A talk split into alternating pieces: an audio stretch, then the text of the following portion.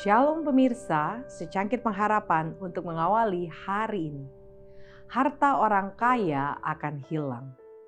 Sesudah itu aku akan berkata kepada jiwaku, Jiwaku ada padamu banyak barang, tertimbun untuk bertahun-tahun lamanya. Beristirahatlah, makanlah, minumlah dan bersenang-senanglah. Tetapi firman Allah kepadanya, Hai engkau orang bodoh, pada malam ini juga jiwamu akan diambil daripadamu. Dan apa yang telah kau sediakan untuk siapakah itu nanti?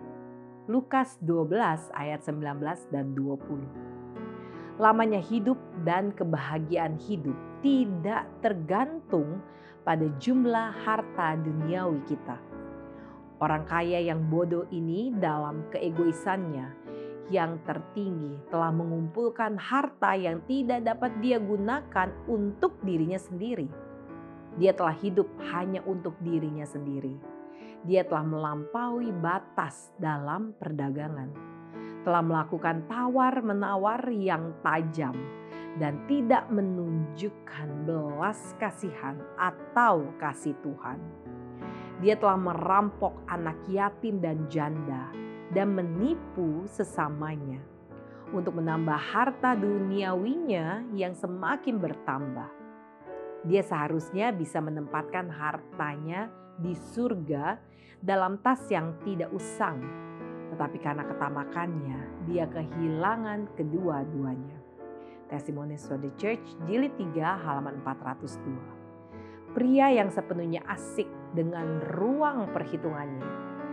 Pria yang menemukan kesenangan di meja judi. Pria yang suka memanjakan nafsu makan yang menyimpang.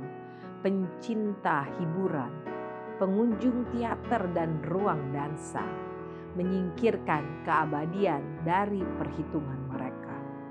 Seluruh beban hidup mereka adalah apa yang akan kita makan, apa yang akan kita minum, dan dengan apa kita akan mendapatkan pakaian.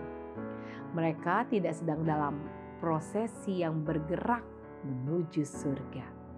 Kemurtatan besar memimpin mereka dan bersama hal itu mereka akan dihancurkan.